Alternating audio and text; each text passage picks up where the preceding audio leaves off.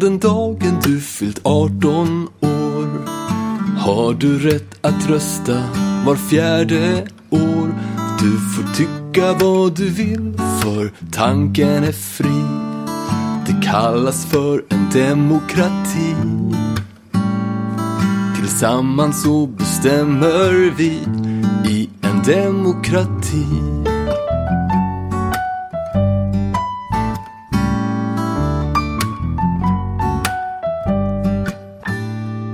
Lyssnar på Blom Olsson Perspektivpodden med Pelle Blom och Jeanette Olsson. Jag heter Urban Århammar och bakom podden ligger föreningen Panorama i Örebro. Ja, förra gången då var vi ganska så arga på banken och systemet som är så sårbart och hur vi är utsatta för det. Har vi något liknande kanske att berätta idag, Pelle? nu ska jag gå igång som Jeanette gjorde förra gången. jag går aldrig igång. uh, nej men det, det, är lite kul när man börjar, eller det är inte så jäkla roligt egentligen, man, men man börjar rota på de här tekniken och hur, hur utsatt man är och hur hjälplös man är i vissa situationer. En, uh, en person nära mig, typ min sambo, Eh, blev hackad av Facebook, eller inte av Facebook men utav några som, eh, så att hennes konto försvann eh, här i förra veckan. Och, eh, eller ja, i förra veckan. Eh, och saken är ju den att eh, hon eh, har ett företag och hon har använt väldigt mycket av sin kommunikation med sina kunder kring Messenger och alltihopa där. Så att det, det, det är ganska viktigt för henne liksom att det där fungerar. Och jag höll på och höll på och liksom att försöka fixa det där men eh, hennes, eh, all, all sin identifikation till Facebook när man skriver in var borta. Det fanns inte. Det gick inte att använda någonting och då kan man gå in på sådana hjälpgrejer där på deras sidor. Men det blir bara en rundgång, man hamnar på samma ställen hela tiden och har man inte då någon e-mailen eller en telefonnummer så går det inte att komma in. Och det kan man ändå tycka, ja men okej, hur gör vi då? Då ska de försöka komma i kontakt med det här Facebook. Och Facebook är ett företag som ingen kan komma i kontakt med. Det spelar ingen roll om du är journalist och vill ha svar på frågor eller någonting annat. Det är i princip omöjligt att få ett uttalande ifrån, ifrån Facebook. Och i det här fallet då så börjar man då prata med en massa folk. Är det någon som kan det här? Är det någon som vet någonting mer än det som man kan läsa? Eh, och, och, så börjar folk säga, ja men den där kan och den där kan. Men det, de kan inte mer än just det här jag pratade om. Och, och går, finns det några andra vägar? Nej, det finns inga andra vägar. Men finns det någon någonstans som kan ta göra så att man kan komma in och få kontakt med Facebook för att kunna se om det går att få tillbaka det. För det sägs att det ligger kvar i 30 dagar eh, i alla fall. Så det skulle kunna finnas en möjlighet, men det går inte att få ta kontakt med dem. Och då är vi tillbaka till det där igen. Här har man då en, en social media-app eh, som halva världen eller hela världen använder, eller kanske inte riktigt hela världen, men väldigt, väldigt många världen använder för att sköta sina dagliga saker. Så bygger väl upp väldigt mycket kring det här. Och sen när någonting inte funkar, då går det inte att få tag i någon människa. Det påstås att man kan skriva in, men vi hittar liksom ingen mm, mejladress för att kunna, det får gärna någon tipsa som hör på det här, om det är någon som har en lösning på det. Men man sitter helt i händerna på dem och det går inte att få kontakt med någon. Och det är det här samhället då det är dit som är poängen då, för nu är det just Facebook i det här fallet. Men det vi var inne på förra veckan, då, liksom, att vad, alltså, om det fler och fler sådana här stora företag kommer in och börjar och, och liksom gör sig onårbara. Alltså, när saker och ting inte funkar, då finns det ingen lösning. Vad ska man göra? Man, man står helt utan någon möjlighet att göra någonting överhuvudtaget. Och inte ens, alltså, i det stora hela så regeringen verkar inte kunna gå in och göra någonting heller. Utan de är för starka för man sitter i händerna med pengarna på dem när de ska komma hit till Sverige och bygga upp stora eh, ja, industribyggnader med vad det nu är om eh, Serverhallar. Serverhallar, tack ja. för det, ja precis. Så att, eh, och då vill man ha in pengarna och då viker man sig för alltihopa och då försvinner demokratin i slutändan. Facebook är ju en stor social media innegrej som många har. Och det här visar ju på sårbarheten precis som det var med banken. Alltså det som är digitalt och man inte kommer i kontakt med dem gör ju oss, den lilla människan, väldigt sårbar. Och där din sambo råkade ut för, det var ju jättemånga på Facebook som fick ett, ett eh, via Messenger var det mm. sånt där trevligt meddelande. Jag hade mm. flera som hade råkat ut för det. Att det var som att en kompis hade skickat bara du mm. kan jag få ditt telefonnummer och sen var det helt kört. Så det är inte bara hon. Nej. Det var också väldigt, väldigt många som råkade ut för det. Så de som hör det här och har lösning på det får väl höra av sig. Så kanske det går. Ja, jag har ju pratat med sådana så kallade experter eh, unga experter inom, eh, inom eh, teknik och IT och hela den här, men när det väl kommer till kritan så är det ingen som har, nej men det är ju det här som ni kan läsa på deras egna hjälpcenter, Facebooks egen hjälpcenter och, och, och där är jag ju tillräckligt kunnig för att kunna gå igenom själv och, och faktiskt försöka alla alternativ. Så, så ni kom aldrig vidare? Nej, det är ett nytt konto startat mm. och det andra är borta så det var inte mycket att göra. Så att, äh, ja. Så det, erfarenheterna bara lades på hög utifrån förra veckan men äh, kanske nog om det just idag. Vi kanske ska gå vidare med någonting annat. Ja, jag tycker det har varit en eh, faktiskt rätt eh, tung vecka med eh, mycket besvärliga tankar som dyker upp hos mig med tanke på just demokratin och vad som händer. Och, och jag har blivit väldigt påverkad av allting negativt som står på sociala medier och i tidningar. Och bland annat då eh, Liberalernas ställningstagande eh, till att gå in och samarbeta med Moderaterna oavsett vem de får stöd utav. Ehm, det tror jag liksom har påverkat mig och jag, jag tittar historiskt på det. Vi har pratat lite om det, hur det har sett ut tidigare och hur det ser ut idag. Och det är så mycket känslor, alltså folk uttrycker så mycket känslor och det är inte bara liksom i i, på högerextrema utan jag tycker jag ser det här hos islamister som också är väldigt extrema.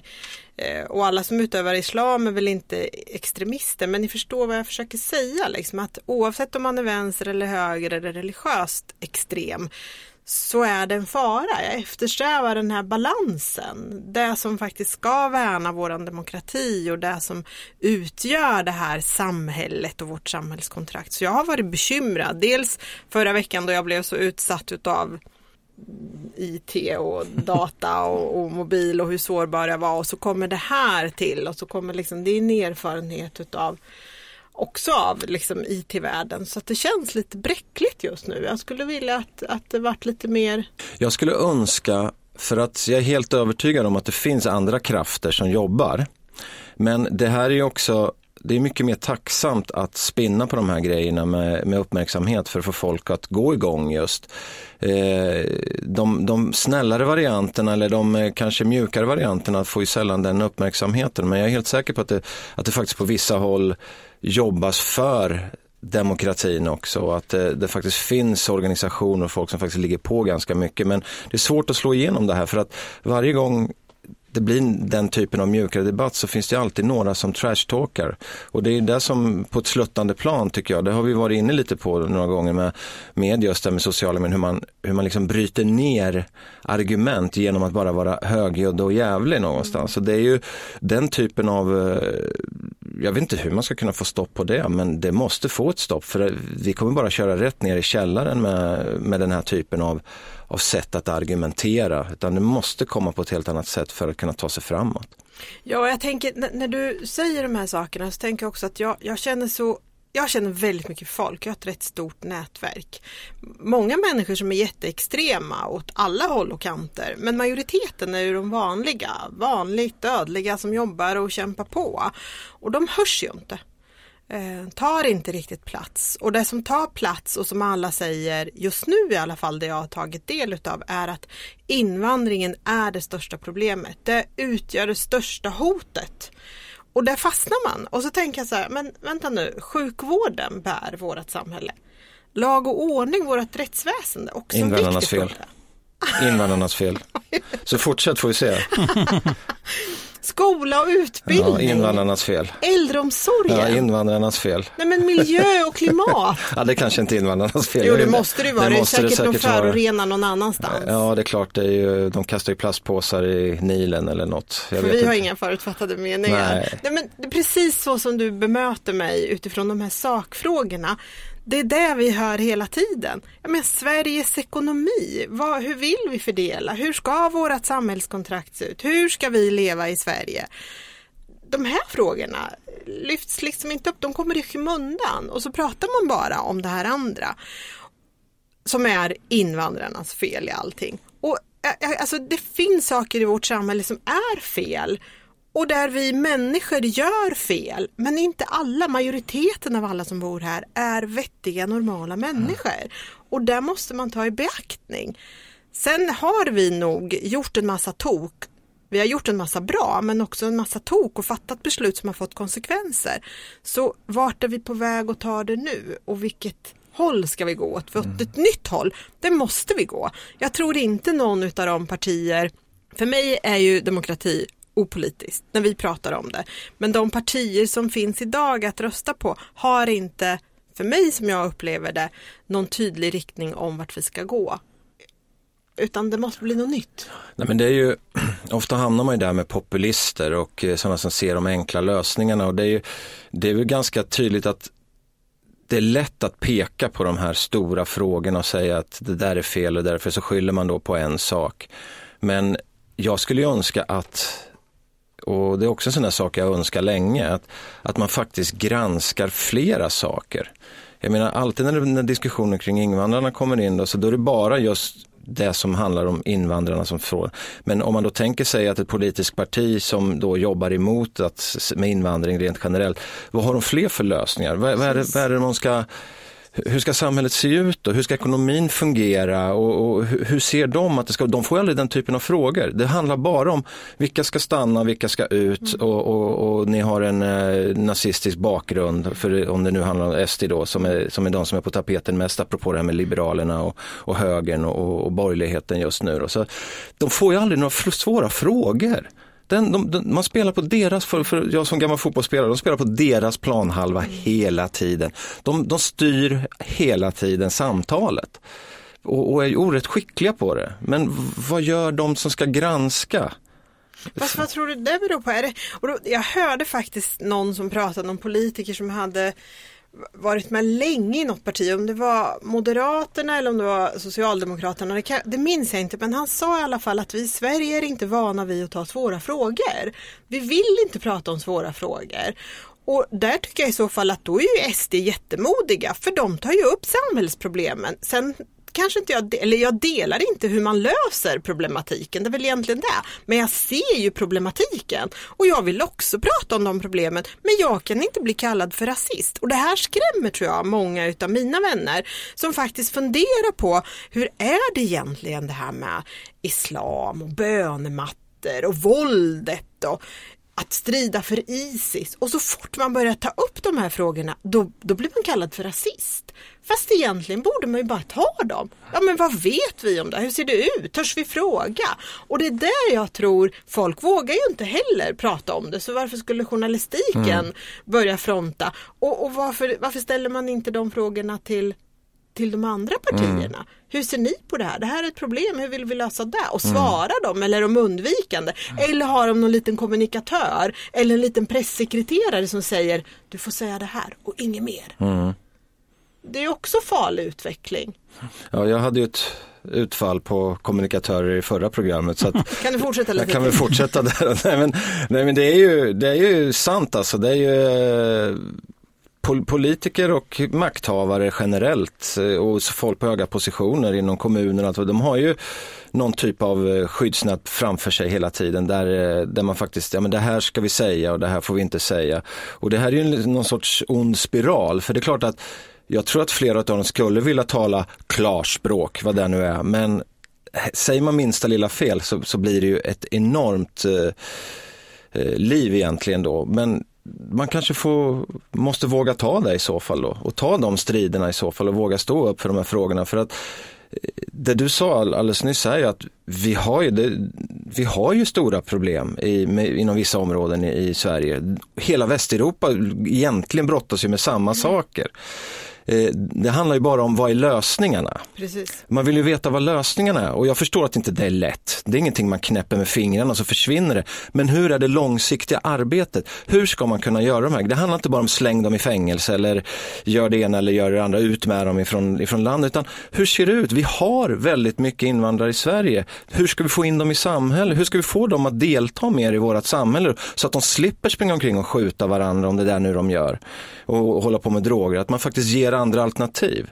Och det är ju inte bara invandrare som håller på att skjuta varandra och gör, dro och gör droger. Det, är ju inte det vi säger heller. Nej, men, men det, det är finns den debatten. Det är det Precis. som är debatten. Det är där de här gängkriminella, det är därför jag nämner det. För att det, det är det som hela tiden förs fram. Och, och jag tycker också att det är hemskt obehagligt det som sker liksom, i minsta lilla stad nu med.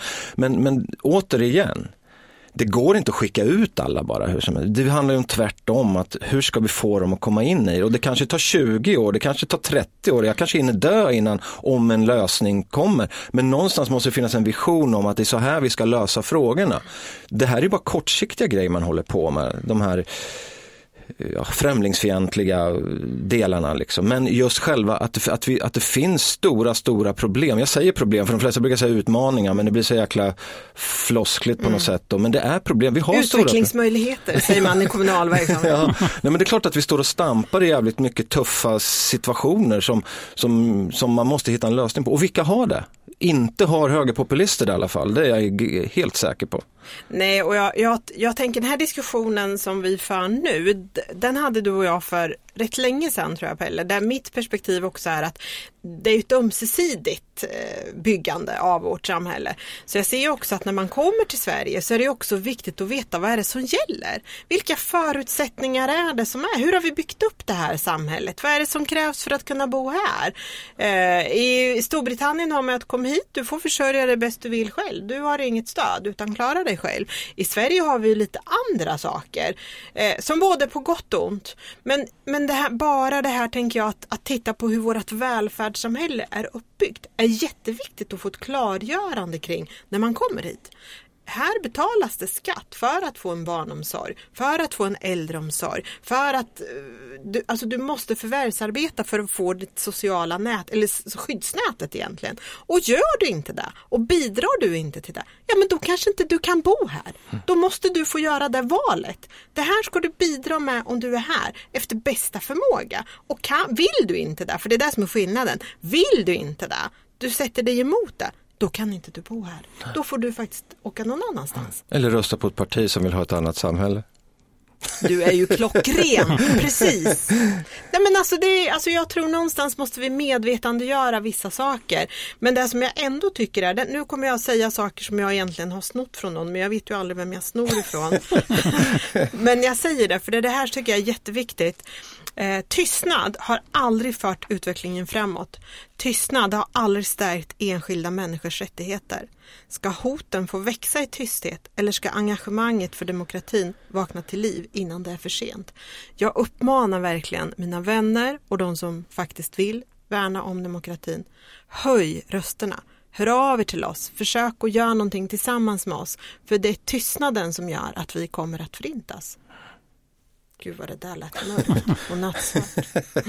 Men allt går att förbättra, ingenting omöjligt utan allt går att förbättra. Nej men det, alltså, jag, jag är med på det men du var ju inne på det där tidigare att det är lätt att bli straffad om man, om man säger vad man tycker och det är det, det, är det som många irriterar sig på tror jag också som faktiskt röstar i antidemokratisk anda. Att man känner att man blir bestraffad bara genom åsikter som man har och att man blir placerad någonstans där man utanför gemenskapen. Och, man, och, och det är klart, det vet ju alla, det är ju liksom sen väldigt, väldigt gammalt att eh, den här gamla klassiska att man alla vill bli älskade men, men kan man inte bli älskad så kan man ju lika gärna bli hatad och då får man ändå en, en kick av det i alla fall.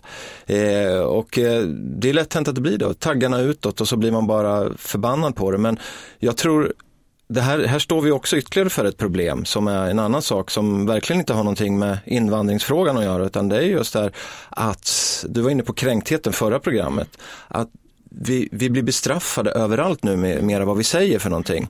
Det är allt ifrån lärare på universitet som blir bestraffade för att de faktiskt följer läroplanen och tar upp saker som, som de ska göra. Men som, som eh, elever då tycker att nej men det här, det här är ju helt fel. Eh, det här, så här får vi inte göra. Så kan de bli bestraffade för och ledningen för universiteten faller för sådana saker. Eller som vi var tidigare pratade om den här eh, konsthallen med vita hallen eller vad det var som vi pratade om också tidigare. Alltså den här typen av frågor gör ju att folk blir tysta. Mm. Så fort öppnar man, öppnar man eh, munnen och har en åsikt och så får man en storm emot sig av folk som ska rätta in i någon sorts moralisk form. Det är klart du blir tyst efter ett tag.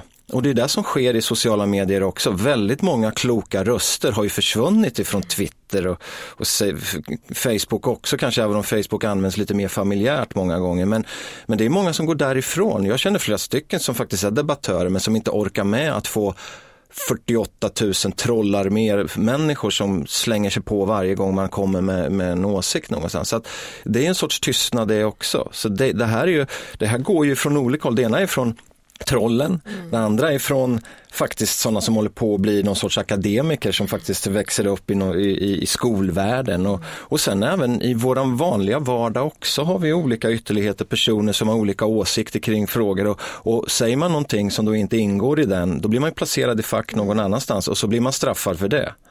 Så det, vi, vi har ju verkligen ingen öppenhet av vad vi får säga för någonting. Men hur ska vi ändra på det? För alltså, jag ser det du säger, jättemånga utav mina vänner, nära vänner som är fina människor, som har tankar och frågor e-, Egentligen, de är inte rasister överhuvudtaget, men jag tror att man blir stämplad så fort man säger någonting som det. Eller någon blir kränkt som du säger för att en lärare har tagit upp ett ämne som är känsligt kring eh, sexualundervisning eller forskning eller vad det nu kan vara vad är det som händer? Var, varför är vi så här och varför blir vi då så hatiska mot varandra? Är det där vi, är det där vårt djuriska beteende? Är vi inte mänskligare än så? Alltså jag, jag, jag, kan, jag kan inte svara på det faktiskt. Jag vet inte vad det är som är, men ibland får jag en känsla av att att jag känner. Vad känner du Pelle? känner jag igen? Nej men att, att världen går in i någon sorts spinn Alltså det, det påbörjas en rörelse någonstans som, det här blir bara flummigt när jag säger det, jag vet, men jag tycker ofta att det kan vara så. Att sen när det här, när det här börjar, då byggs det på ungefär som en snöboll som rullar. Och den måste rulla klart innan, innan det blir förändring. Och det är väl det man kan se i historiens vingslag nu när vi pluggar att, att det har ju, det har vi varit inne också på flera gånger här, att, att faktiskt det här har vi sett förut. Det har ju varit alltså, den här typen av, av, av eh, inte exakt för vi har inte haft sociala medier, men det har det varit andra typer av, av eh, kommunikationssätt då. Men, men i, i, eh, alltså det har ju gått ifrån att vara väldigt nationalistiskt till liberalt, till kommunistiskt, till det ena, till det andra. Och, den här, och varje gång det här börjar rulla, det är precis som att vi människor är inte kapabla till att bryta mitt i. Det måste få slå, det måste, pendeln måste få slå. Pendeln måste slå och om det skulle visa sig att det vi gärna vill uppnå med det vi håller på med att uh, få folk att reflektera över det här och faktiskt kanske värna om demokratin mer.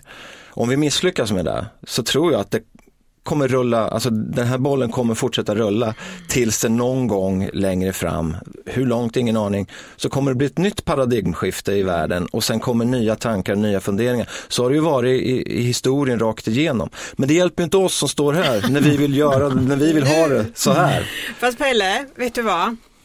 Kan vi inte uppmana de som lyssnar på oss nu att gå med oss i den här demokratirörelsen som faktiskt är en målbild som vi har. Vi vill ju ha en rörelse som värnar om demokratin. Vi står opolitiskt, oberoende av partipolitik så vill vi ha ett demokratiskt samhälle och den rörelsen vill vi starta igång. Hjälp oss, hör av er till oss. Och vart ska de höra av sig då? ja, då ska de skicka till det där kontot som är hackat. Nej, det ska de inte göra. Nej, ni ska såklart skicka till vår mail till exempel, panoramaforeningen gmail.com. Panorama stavas P-A-N-H-O-R-A-M-A. Eller så kan man höra av sig direkt på Facebook än så länge. För vårt konto är faktiskt inte hackat än så länge. Så att vi... Och ni kan även till våra privata ja. Messenger, givetvis. Om ni inte ber om våra telefonnummer, självklart, för då blir vi ju mm. hackade. Men hör av till oss, och för att den rörelsen bygger vi tillsammans. Den rörelsen hjälper du till med mm. eh, att få det här mm. demokratiska samhället som vi faktiskt vill ha. Mm. Jag tror det är viktigt att var och en tänker efter vad man vill göra med sin egen tid. För mycket i den här debatten, nu kommer det, från politiker kommer det ofta att de har inte tid att träffa väljare, det är så mycket administration och det är så mycket möten och allt runt omkring. Och det, ja, det är det säkert till viss del, men kan man inte styra det lite grann så man träffar några väljare i alla fall?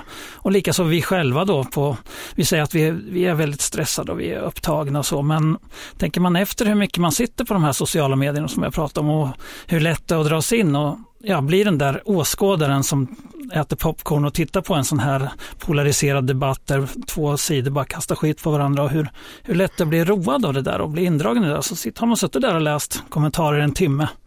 Kanske skulle man gjort något annat den där timmen, kanske skulle man ha pratat med någon, kanske skulle man ha sett ett ett program där man lärde sig någonting. Det, det är upp till var och en också att ta vara på sitt liv och inte... Jag har fått en liten tankeställare själv för det där, för man blir så lätt fast i det där när man, när man tittar på sidor så ser man, åh vilka idioter, och de där är också idioter, vilka idioter. och, men jag tänker inte beblanda mig med dem, men jag, tittar, jag sitter och tittar på dem och jag sitter och läser vad de skriver ja. istället för att göra något vettigt. Något vettigt ja. Så lika väl som det är vårt eget liv så är det också alla föräldrar som faktiskt har barn som ska ta över denna jord, detta samhälle, bör också ha ett intresse av att göra skillnad. Vi kan inte bara titta på. Så häng med oss i våran demokratirörelse. Låt oss bli pionjärer och bryta den här snöbollen som rullar. Det finns många som jobbar med frågan. Det finns inget samlat grepp upplever vi utan det är små spridda skurar. Mycket sker på övergripande nivå i maktens korridorer som man brukar säga, mm. men vi vill ha gräsrotsrörelsen. Eh, demokrati för oss människor som lever i det här samhället. Jag tror du säger en jätteviktig sak, att det får inte vara så att det blir som det ofta blir, att olika håller på sitt. Att eh, alla jobbar för samma fråga men man håller på sitt, utan här här krävs det ju en, eh, en gemensam front liksom, med, med de här frågorna. Att ta upp det på agendan, att börja diskutera de här frågorna, att folk faktiskt är oroliga för den här frågan. Och jag blir ju jag blir ju lite skrämd när jag lyssnar nu när det har varit den här liberala, alltså debatten kring liberalen, att, att det är så många som tar så lättvindigt på det. Menar, det är så många av politikerna som jag faktiskt följer som menar att nej, men det här är löjligt när man börjar snacka om att faktiskt demokratin är hotad. För det, vårat samhälle är ju inte sånt. Alltså det är ju, vi är ju så pass stabila och våran, våran, våran konstitution, alltså hela grundlagen och allting, det är så stabilt så och vi, alltså det, det, det funkar inte, det kommer inte bli så. Hur kan ni tro det? Det? Kasta upp det här demokrati, alltså kortet, det är fånigt. Hör jag från väldigt många håll. Men jag menar, jag som en lekman som precis har börjat studera de här frågorna ser ju ganska tydligt att, att det räcker ju bara med lill, alltså att det blir ett helt annat valresultat nästa gång och faktiskt att, ja jag säger Sverigedemokraterna, även om vi, alltså i det här fallet att vi pratar om att det är opolitiska, men det är ju, deras agenda har ju varit att, och är, fast de nekar till det, men det, det finns så många bevis på vad de har sagt genom åren så att, att, att de faktiskt jobbar för ett annat samhälle. Och eh, skulle de få inflytande så går det ganska snabbt. Och det ser ju till och med jag. Och då är frågan om varför inte politikerna som faktiskt sitter och bestämmer i det här landet, nu säger jag politikerna, för det är inte alla, men, men rätt många, att de faktiskt negligerar det här mm. och faktiskt spelar ner det. Och jag tror också att det är viktigt att skicka med när du säger det här att, att vi man ska, alltså kommer vi igång med den här rörelsen, vilket vi vill och vilket vi kommer att satsa hårt på, så är det tillåtet att tänka och pröva sina tankar för vi står inför svåra problem i demokratin. Det är inte lätt och det, vi kommer inte ha svar men tillsammans så kan vi åtminstone försöka prata om det utan att bli stämplade som varken det ena eller det andra utan ha det här tillåtande. Man får ju, du lärde mig något så fint Pelle, ibland lär du mig så himla mycket fina saker. Vad var det? Jag kommer inte, jag kommer inte ihåg allt. Nej men det var fint. Ja det var ju det, det var ju någonting att jag, jag gör, jag, ja, jag tänker. Ja, ja men det, det, dina tankar är mina tankar kanske inte är så fina men mina handlingar ja. är ännu sämre. Nej, Nej tvärtom. Nej. Dina tankar är inte alltid de fina men, men handlingarna är fina. Ja, och... Du handlar på ett bra sätt. det här går ju bra, när vi... men känslan utav det. Ja. Man kan ju tänka och tycka saker och det är det som egentligen är en stor del av yttrandefriheten. Men det är hur jag sen agerar och handlar, det är det som är det viktiga. Och där vill jag verkligen uppmana att det ska vi försöka jobba för. Så, ja, join det, oss. Join oss, ja. Nej, men det är en, jag vet att det ibland kan anses som en naiv tanke i ett samhälle där det faktiskt finns väldigt mycket extremister åt olika håll. Men våran ingång till att vi börjar jobba, för nu säger jag våran med Jeanette och jag här Urban, när vi började, det var just det här att, att faktiskt att målet är ju att vi behöver inte tycka om alla människor. Vi behöver liksom inte, ja, man kan till och med tycka illa om vissa människor, men lever man i ett samhälle så måste man kunna leva bredvid varandra och, och se till så att samhället fungerar och att alla har samma möjligheter att, att ta sig fram till ett arbete, bilda familj och, och, och faktiskt ha de här, sina egna åsikter någonstans. Och, och, och det är den som är våran, eh, alltså, kanske inte den absolut ursprungliga utgångspunkten, men en stor del av när vi började samarbeta, att, att faktiskt eh, folk ska kunna leva i Örebro bredvid varandra eh, på ett bra sätt och alla får möjligheter till att leva de liven de vill leva. Och majoriteten av alla människor är fina människor som är bra medborgare, bidrar till samhällskroppen med, så att vi får en fungerande social välfärd. Så det är ju bara en ytterlighet som är problem och den ytterligheten måste vi våga prata om. Demokrati! Demo, demokrati! Ja, där kom den trudelutt och den betyder ju att vi ska ta fram vår demokratikortlek och dra ett kort som vi ska diskutera kring. Eh, Den här demokratikortleken är framtagen av Forum för levande historia tror jag. Den finns att beställa, hoppas jag fortfarande. Eh, Man betalar bara portot. Kan vara bra att ha i sin förening, sin lilla organisation eller bara hemma och diskutera kring olika frågor. Eh, Vi lägger ut en länk i beskrivningen till programmet också så att ni kan komma vidare dit. Men idag har jag plockat ut ett kort då som ni inte vet vad det står på. Spännande. Nu ska jag avslöja det. Det står faktiskt så här, det står civil olydnad. Det är en stor fråga. men vi får väl ta den ner den. De har några olika frågor på den här men vi kan väl prata lite kring just bara civil olydnad i demokratin. Är det positivt, negativt, var går gränsen? Vad var det som hände i USA? När de stormade eh, Kapitolium? Var det civil olydnad? Ja, det har väl i alla fall inte klassificerats som. Revolution skulle nog vara det rätta ordet för de flesta i alla fall. Alltså jag tänker civil olydnad. Jag tror att det är bra. Sen kan det ju bli konsekvenser som är olagliga utav det. Men civil olydnad, jag tolkar det, det är ett väldigt positivt ord för mig. Att man inte bara köper allt rakt av. Jag tycker det är jättesvårt. Det här det är faktiskt ett eh, intressant kort för mig för att det där har jag faktiskt bollat med mig själv många gånger inom mig själv när man sitter och tittar på någon nyhetsinslag och det är några plogbillar eller vad de hette, plogbollar en gång i tiden som höll på med, med, med vapen och, och protesterade Greenpeace när de håller på och, och eh, det är ju oftast är det ju för vad de säger själva en god sak. Och någonstans måste det finnas i ett system, tror jag, en möjlighet till att kunna göra civil olydnad. Sen får man naturligtvis ta sina straff och det gör de ju alltid. Det är väl någonting de tar in i beräkningen att man, att man eh, kan hamna i fängelse eller eh, böter eller vad det nu är för någonting och så hjälper man varandra. Men, men eh, jag, jag vet att jag samtidigt när jag tittar på det får någon sorts agg ibland, liksom, fan vad de förstör, liksom. det är så jävla onödigt. Och vi har ju haft det här i, här i Örebro med de här, vad är det de heter, miljörörelsen där, Extension någonting, Rebellion, Extension Ja, Rebellion Extinction eller något lik, Rebellion. som intog eh, i rådhuset gick in under en debatt där och eh, tog över. Eh, och, och de menar ju på att det har de i sin rätt att göra på sätt. Så att, i, jag, jag, jag står och vacklar. Jag, jag, tror, jag tror att jag faller på den sidan att jag tror att det är viktigt att kunna ha den möjligheten att, att kunna göra det. Och, eh, men som sagt, man får ta sin straff i så fall. Men måste civil olydnad alltid vara förenat med våld eller våldshandlingar? Absolut inte. Nej, för så tänker inte jag. Jag kanske är...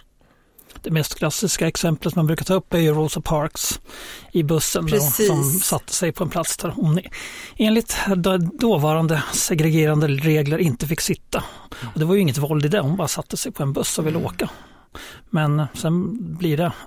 Och det är ju en, sen har vi ju andra sidan också, det finns ju de som går väldigt långt som kanske djurrättsrörelsen då när man går in på det finns ju också en gräns, liksom man går in, ibland går man in på kanske minkfarmer eller sånt och bara mosar och släpper ut allting. Andra tillfällen går man in och filmar där, det, där man kanske den vanliga djurskyddsmyndigheten inte har kunnat komma åt när det finns saker. Så det är, ju, det är ju en gradskillnad där.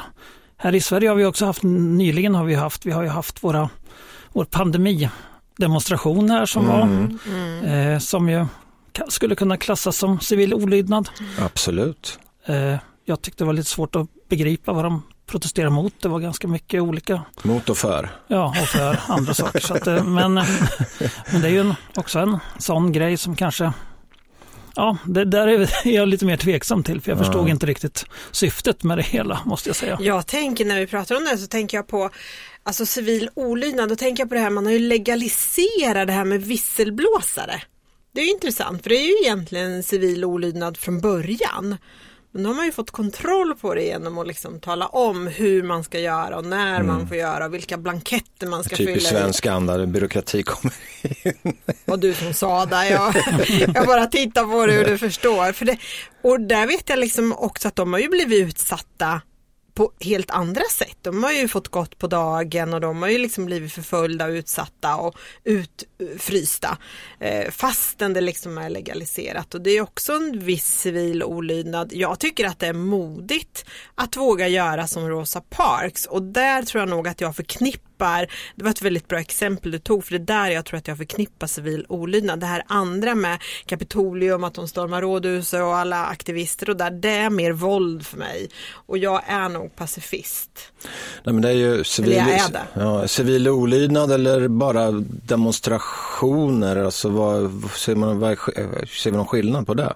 Alltså om man tänker sig i Belarus, de här som har varit ute och demonstrerat nu i hur länge som helst och får rätt mycket spö och, och råkar illa ut men de fortsätter. Är det civil olydnad eller är det demo, vanliga demonstrationer och gör man någon särskillnad på det? där? För jag ser lite civil olydnad känner jag lite mer som det som ni säger med Rosa Parks eller att man bryter sig in på något företag och kedjar fast sig i någon, eh, i någon stängsel någonstans bara för att få uppmärksamhet kring, kring en fråga. Eh, eller är det samma sak för er? De, Nej, men jag tänker när det är demonst- demonstrationerna, det är ju samma sak där. Vi får ju demonstrera, vi får yttrandefrihet i Sverige.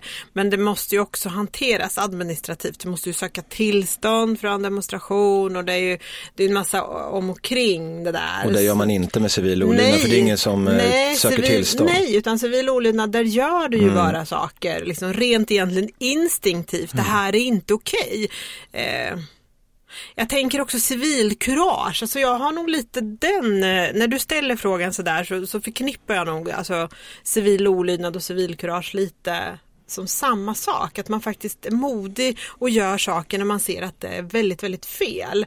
Eh, ser man att någon blir utsatt för någonting så ibland kan jag agera i affekt och bara göra någonting, någon som stjäl en cykel eller någon som slår någon och jag går in och bara stopp utan att tänka mig för. Eh, och, och efteråt kan man bli jätteskärrad. Men det, jag tror att det är rent instinktivt jag tänker civilkurage och civil olydnad.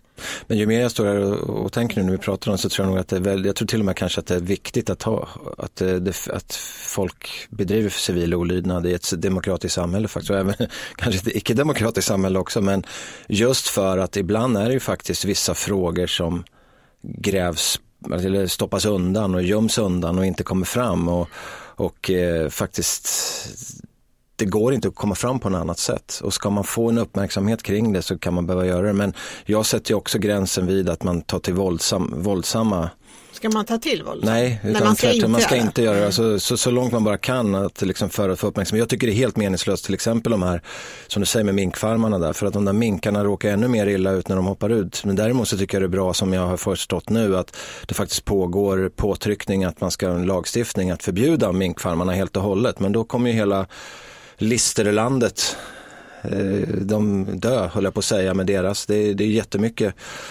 nere i trakterna där i södra Sverige med minkfarmar.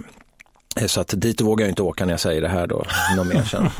Men, eh, men, nej, men jag, tror att, jag tror att det är kanske viktigt att man, man tar de här stegen ibland för att få förändring i, i ett samhälle där, där allting liksom har stoppat upp och det verkligen är en riktig bromskloss och ingen bryr sig om frågan överhuvudtaget. Att då skapa det.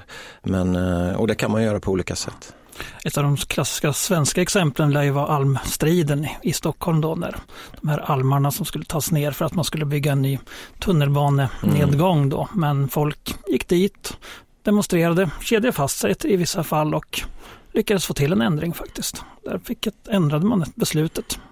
Kom på att det kanske inte var just nödvändigt att ta tunnelbanenedgången just precis där det fanns gröna träd.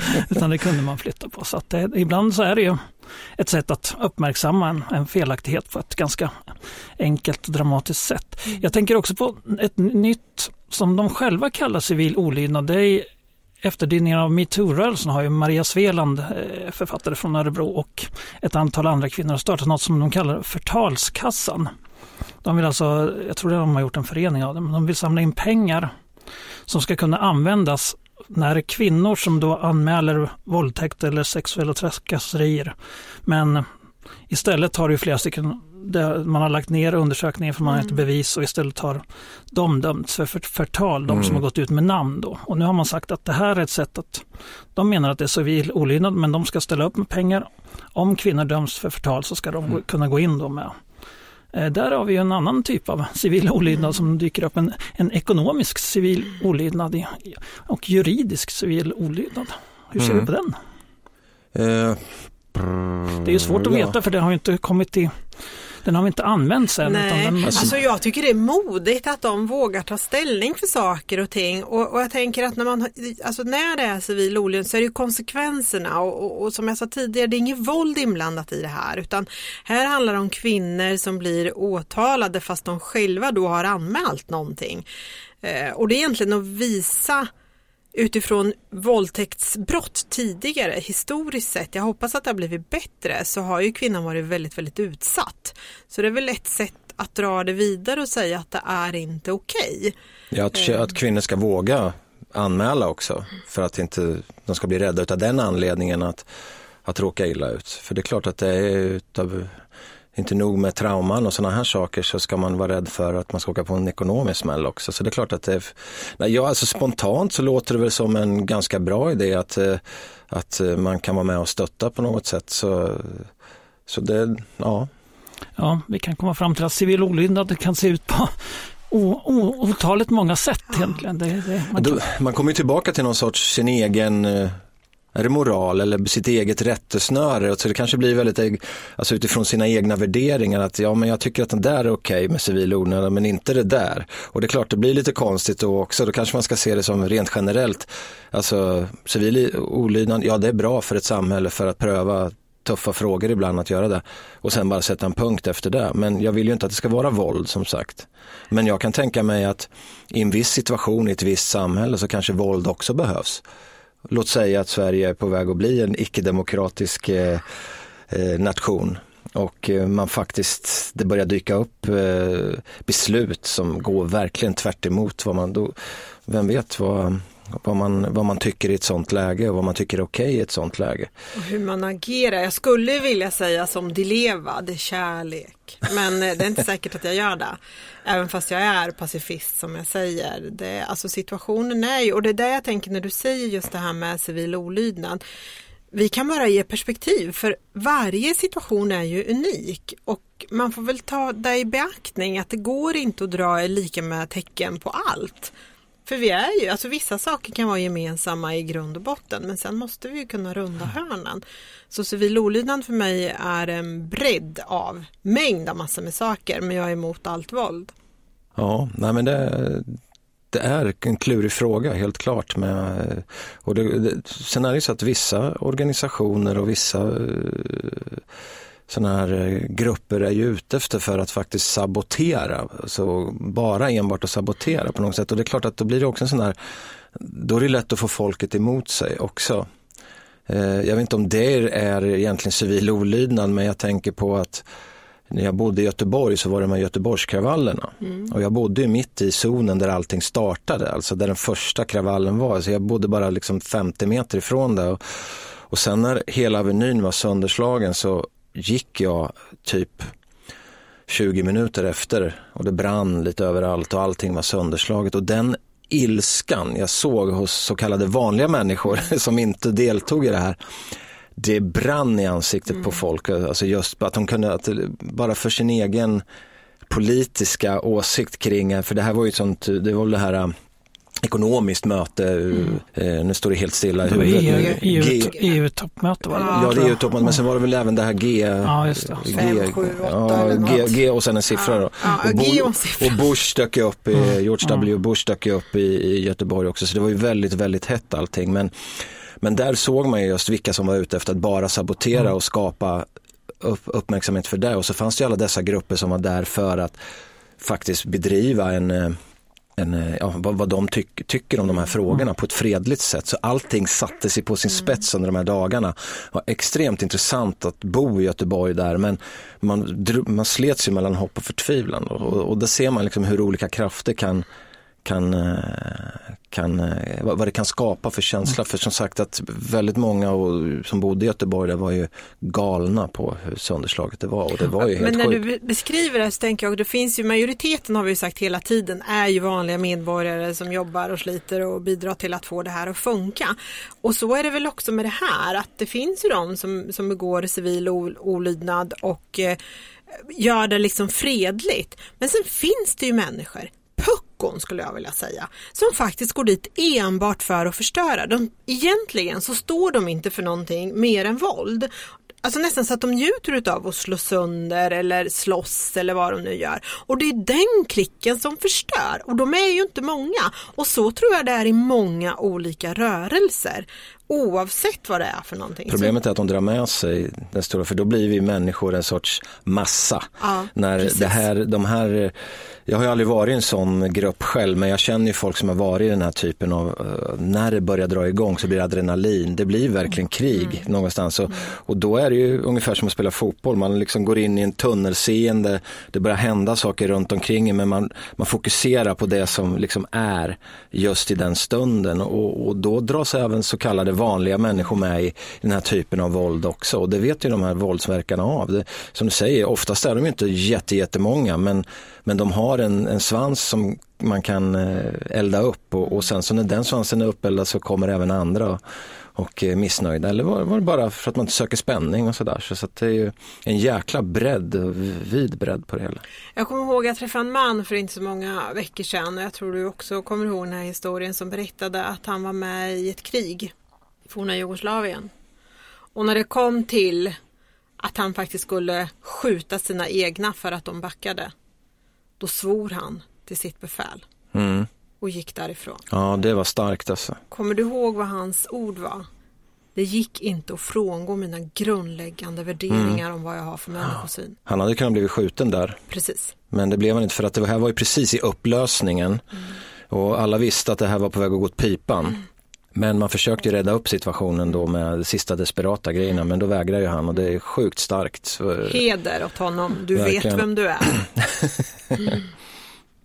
Ja, nej men det var nog vad vi kom fram till. Det finns många mm. olika parametrar i det här med civil olydnad. Så vad har vi pratat om idag då Urban? Oj, nu har vi pratat om mycket grejer. Vi började ju på Facebook och vår, vår sårbarhet igen då när det gäller de här stora teknologiska jättarna som styr våra liv ganska mycket. Eh, vi var inne på Ja, vad var vi inne på sen? sen... Alltså, vi har ju diskuterat jättemycket kring demokratins sårbarhet och mm. att vi måste våga prata med varandra och inte vara så rädda och säga vad vi tycker. Och att vi faktiskt vill ha igång en rörelse. Pelle var inne på det här just med att snöbollen är igång och den måste rulla på. Vi försöker bryta mönstret genom att skapa en demokratirörelse och att folk faktiskt ska våga säga saker och mm. ting utan att bli placerade i fack. Precis, tystnaden är det farligaste Precis. som finns. Vi vill ha samtal. Och sen kom vi ju in också på vårt lilla demokratikort och då var det civil olydnad och där har vi ju hunnit med en hel del också så att det var ganska fullmatat avsnitt tycker jag. Ni har lyssnat på Blom Olsson perspektivpodden med Pelle Blom och Jeanette Olsson. Jag heter Urban Århammar. Vignettmusiken var Demokratimelodi ur Små sånger för stora hjärtan av Tobias Svärd. Ljudtekniker var Thomas T.K. Karlsson och så skickar vi ett tack till vår sponsor Hive i Örebro. Tack och hej till nästa gång. Från den dagen du fyllt 18 år har du rätt att rösta var fjärde år.